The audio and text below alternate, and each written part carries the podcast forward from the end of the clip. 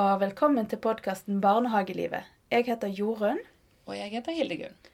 og til sammen har vi ganske lang erfaring med å jobbe i barnehage.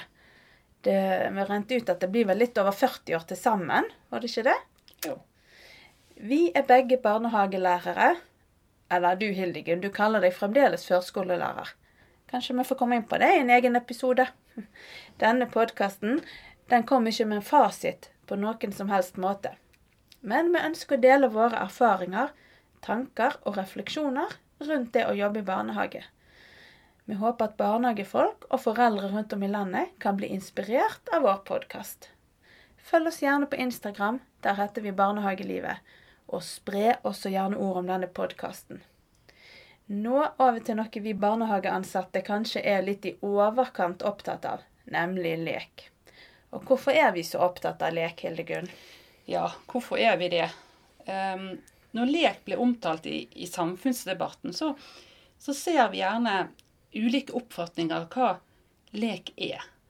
Og På den ene siden er oppfatningen av at lek først og fremst er en praksis som skal forberede barna videre i livet, eller et middel til å utvikle ferdigheter og kunnskap. Og at vi må legge til rette for at barn skal gjøre riktige erfaringer i leken. Men på den andre siden så er det en forståelse av at leken er noe som barna driver med fordi det er morsomt, fordi de har lyst til det, og fordi det har en verdi i seg sjøl. Ja, men hva er det som kjennetegner lek, egentlig?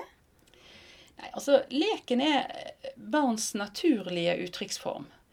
Leken er frivillig og indremotivert, og en kan ikke kommandere barn til å leke. Men en kan gjerne hjelpes i gang av andre barn eller voksne. Og selv om barn lærer masse gjennom leken, så oppfatter barnet leken som om det, det gjør det fordi de har lyst, og ikke fordi at barnet har et mål med det. da. Og Rammeplanen for barnehager de poengterer nettopp at vi skal anerkjenne denne egenverdien som leken har for barn. Og at leken eh, skal ha en stor plass i barnehagen. Og ut fra hvor stor eh, plass eh, rammeplanen vil gi leken i barnehagen, så må den jo være veldig viktig for barn. For leken stimulerer jo ulike sider av barns utvikling, både språklig og sosialt og motorisk.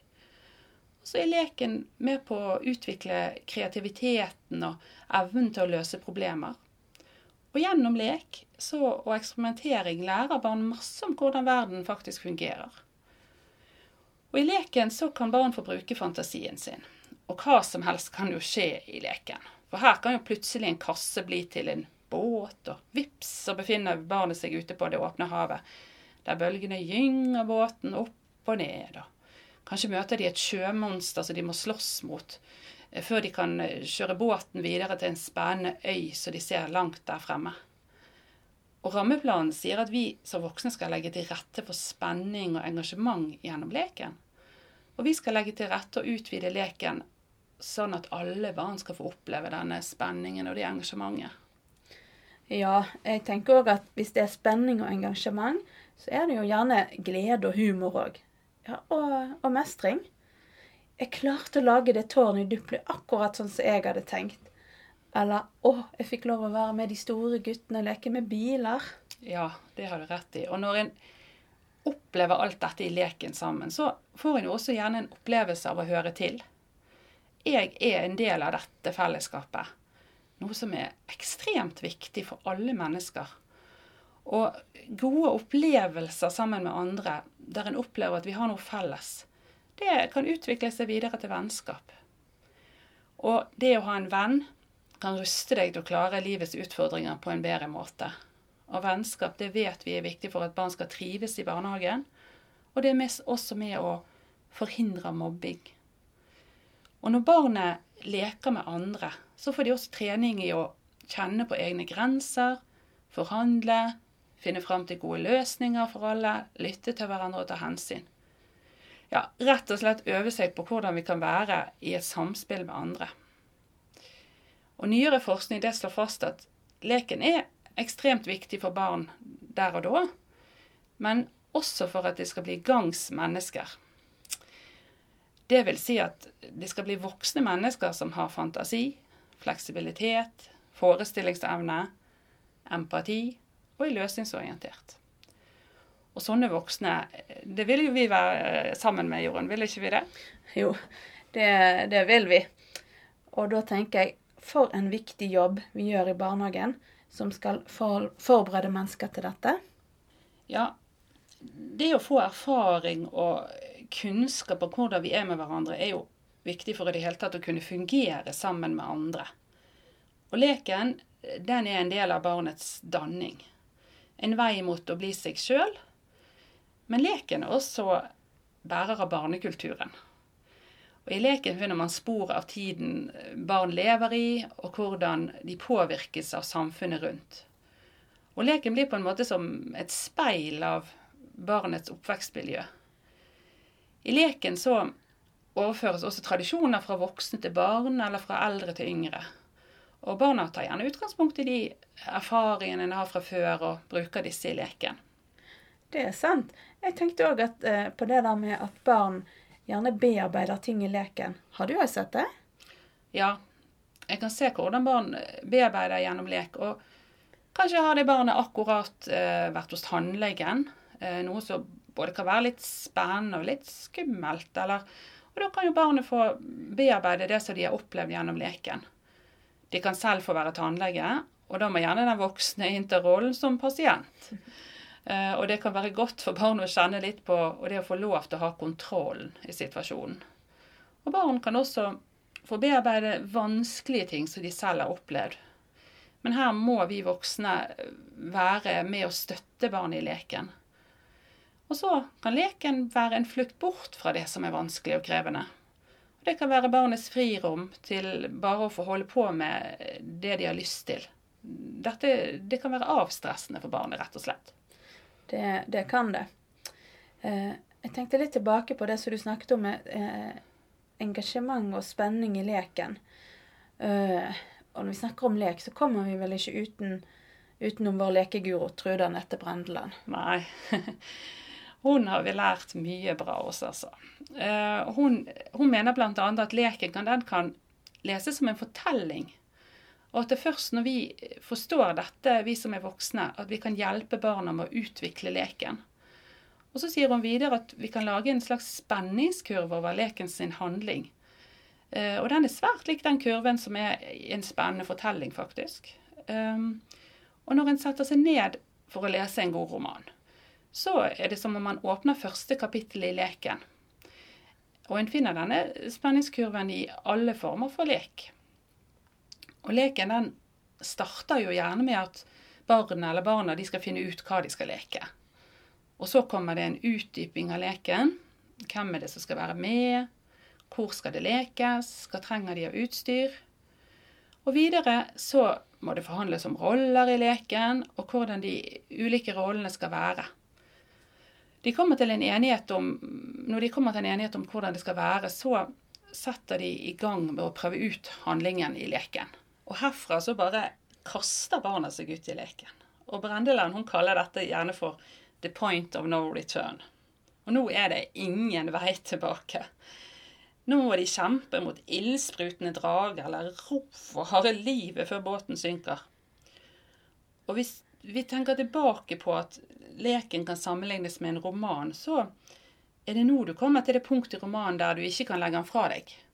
Eh, en glemmer både å gå på do og spise. Må bare lese litt til. Men alle barn, de har det ikke sånn. Nei. Det er jo dessverre sånn at ikke alle barn er gode lekere. Og en del barn de trenger voksenstøtte for å mestre lek. Eh, vår erfaring er at det fins noen barn som er veldig gode på å leke, og gjerne kan dra med seg flere på avdelingen. Men lek er komplekst, og det er mye som skal mestres for å være en god leker. Men Jorunn, hva er det som gjør leken så kompleks, da? Eh, det er flere ting, bl.a. at språk er en aktiv del av leken. Kroppsspråk eller verbalspråk. Det er jo etter barnas alder og nivå. Og hvis man strever med dette, f.eks., vil det være naturlig å tenke at dette også kan bli vanskelig når barnet skal leke. Så er det det med blikkontakt og bruke blikket det er noe man kanskje kan glemme litt bort når man skal hjelpe og støtte barn i leken.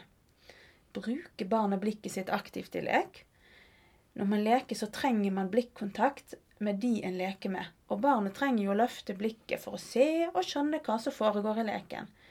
Hva den eller de andre mener, se på kroppsspråk osv. Og så skal jo hjernen bearbeide det man ser, og gjerne komme med en respons. Og så er det jo selvfølgelig det der med å klare å komme inn i leken på en god måte. Og hva kan en god måte være?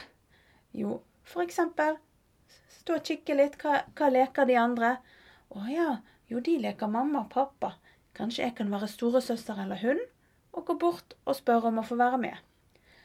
Og når du først har kommet inn i leken, så er det jo gjerne ønskelig at du skal klare å være der over tid. Noen de har nok med å klare å være i leken over tid, mens de gode lekerne de kan opprettholde leken og drive den videre. Og så, så er det for noen vanskelig å avslutte leken på en god måte. Det er jo ikke alle barn som klarer det. Noen blir sinte. Noen klarer ikke å komme ut av leken eller rollen. Og noen liker ikke når det blir oppbrudd eller en såkalt overgang til noe annet. Ja, vi har jo begge to møtt på barn som strever med lek, eh, og det er sikkert noen flere av lytterne våre også som kan kjenne igjen. Ja, det tror jeg helt sikkert lytterne våre har gjort. Jeg har i hvert fall møtt noen. Og når det er barn som strever med å være med i leken, da må du som voksen kjenne din besøkelsestid. Du må hjelpe til. Du, Hildegunn, du snakket om point of no return i leken. Og vi brenner for at alle skal få oppleve det. Og det er en relativt lett, i harmetegn, måte å hjelpe disse barna på. Men det krever gode, lekende voksne og det krever tid, for det er en prosess. Det blir ikke gjort i løpet av én dag. Har du et barn som ikke er en attraktiv lekekompis, og ofte faller utenfor leken, da må den voksne ta med seg dette barnet. Og så er det viktig at dere to finner på noe gøy sammen, så dere kan leke, du og barnet. Og vi vet jo gjerne det at når en voksen er til stede i leken, så er det andre barn som automatisk vil være med. Det som er kan være lurt òg, det er at den voksne spør eh, barnet som strever, om det er greit at den og den blir med i leken. Da kan barnet få svare ja eller nei, og så blir det sånn. Det er begynnelsen. Da blir de andre barna nysgjerrige og vil være med. Men jeg har opplevd at det er en fallgruve her som den voksne må være obs på. Eh, hvis du har et barn som alltid svarer nei, og ikke vil ha andre med i leken, av forskjellige årsaker, så foreslår jeg at eh, dere må bytte litt på det. Av og til får barnet bestemme, og en del ganger bestemmer den voksne. Og den voksne må gjerne òg være med og regulere hvor mange som kan være med i leken, sånn at det opprinnelige barnet skal klare å mestre å være i den leken over tid. Da kan det hende noen barn får ja, og andre får et nei. Men dette kan jo faktisk bare gjøre dette barnet til en enda mer attraktiv lekekompis de andre ser at barnet leker noe gøy og spennende, men så må de faktisk vente på å få være med. Den voksne må vite når den trengs som støtte, og når man skal trekke seg ut, og når man ikke trenger å blande seg i det hele tatt. Her er det lett å tråkke feil. Det har i hvert fall vi gjort mange ganger, ikke sant? Ja, og hvis en først har tråkket feil, så får en i hvert fall grei beskjed om dette. Det er noe sikkert og visst. ja, men får som regel det. Og en annen ting i leken er at man må ha evne til å late som om. Uh, og dette henger også sammen med noe dere sikkert kjenner igjen når vi snakker om lek. Forhandlinger. Uh, en kan forhandle om roller. En kan forhandle om betydningen av objekter. Skal denne planken være en telefon eller en komfyr? En, skal, en kan forhandle om hvor leken skal foregå. Dette gjøres mest med kroppsspråk og fysiske handlinger på småbarnsavdelinger. Men etter hvert blir det for de fleste mer og mer med bruk av verbalspråk. Og når vi snakker om å forhandle roller i leken, er det viktig at dere voksne er observante på høystatusroller og lavstatusroller i leken. Tradisjonelt blir babyroller og rollen som hund i lek ofte sett på som lavstatusroller. Høystatusroller blir gjerne sett på som mamma og storesøster. Ja, men Jorunn, vi har gjort oss erfaringer at selv lavstatusroller kan bli populære høystatusroller. Ja, det var ganske artig. Vi opplevde at hunderollen, som oftest blir sett på som en lavstatusrolle, ble til en høystatusrolle fordi det var noen barn som lekte det så mye og inspirerte de andre barna til å leke eier og hund. Og det ble en kjempepopulær lek og rolle. Men de barna som ikke kommer seg ut av den lavstatusrollen, de trenger jo støtte og hjelp av voksne, slik som vi har snakket om.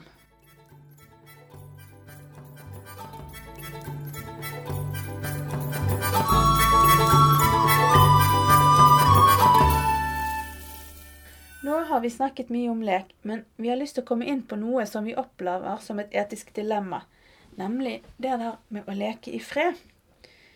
Eh, hvis dere hører på eh, podkasten til eh, ti, Tidligvakten med eh, Sondre og Trond, Ja, jeg husker ikke hva han heter. så Ja. jeg tror det er det. Uh, så snakket de, de om å leke i fred, og at, uh, men, men det var en litt annen betydning enn det som vi legger i det.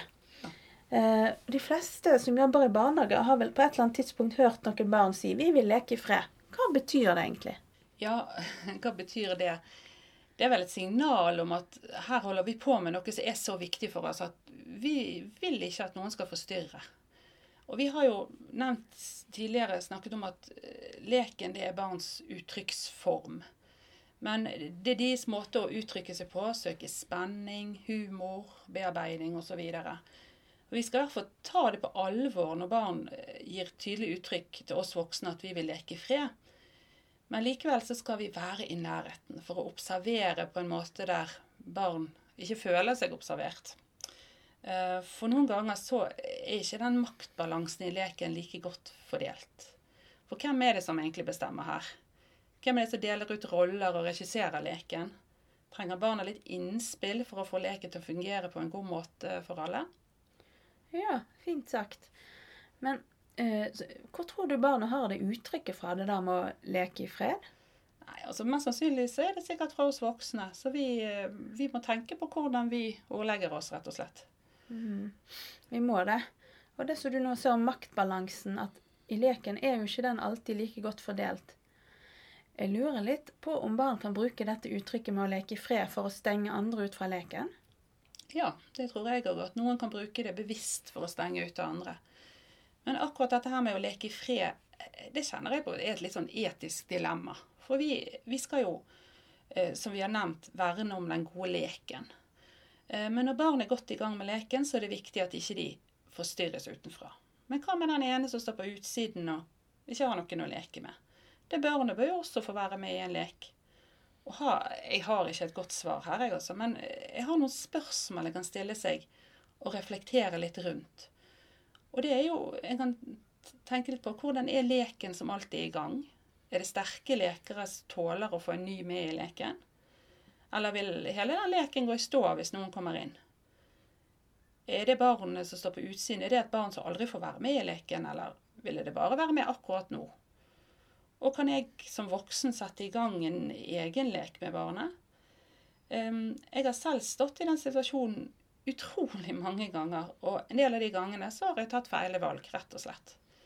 Men det viktigste her det er å tenke på at vi må se an hver situasjon. Eh, Men at det er viktig å være reflektert rundt dette, det er noe helt sikkert. Um, og det er også, En skal tenke på at vi voksne bruker andre uttrykk enn å leke i fred. Som å si at um, ja, nå skulle vi de to leke sammen. Kom, så vi kan, vi to, vi kan finne på noe annet å leke med.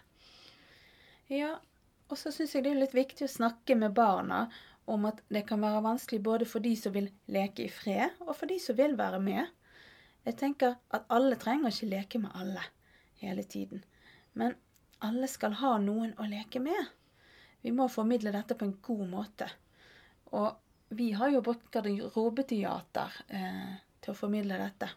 Ja, garderobeteater har vært eh, svært effektivt når barna blir vant til metoden. Vi har brukt rollespill der vi spiller ut en situasjon som er utfordrende i barnegruppen. Vi har brukt oss selv.